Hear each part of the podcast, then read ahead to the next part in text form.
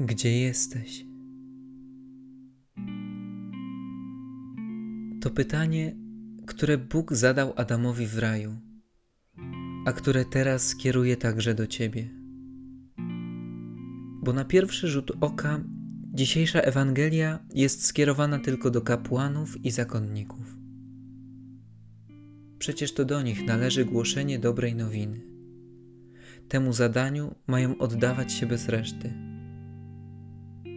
Ale to niezupełnie prawda, bowiem każdy ochrzczony powołany jest do szerzenia Jezusowej nauki.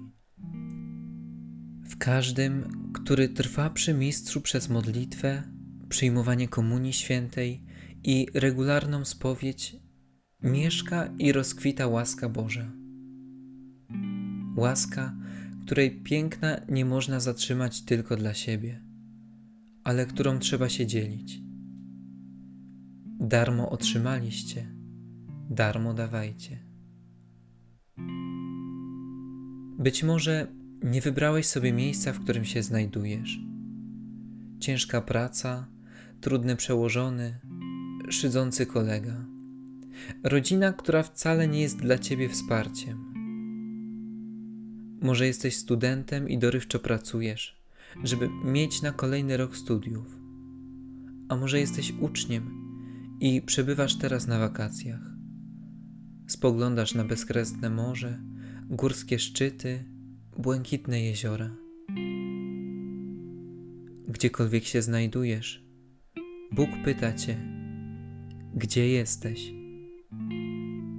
Bo właśnie Ty możesz okazać się jedyną szansą, która sprawi, że inni będą mogli się z Nim spotkać.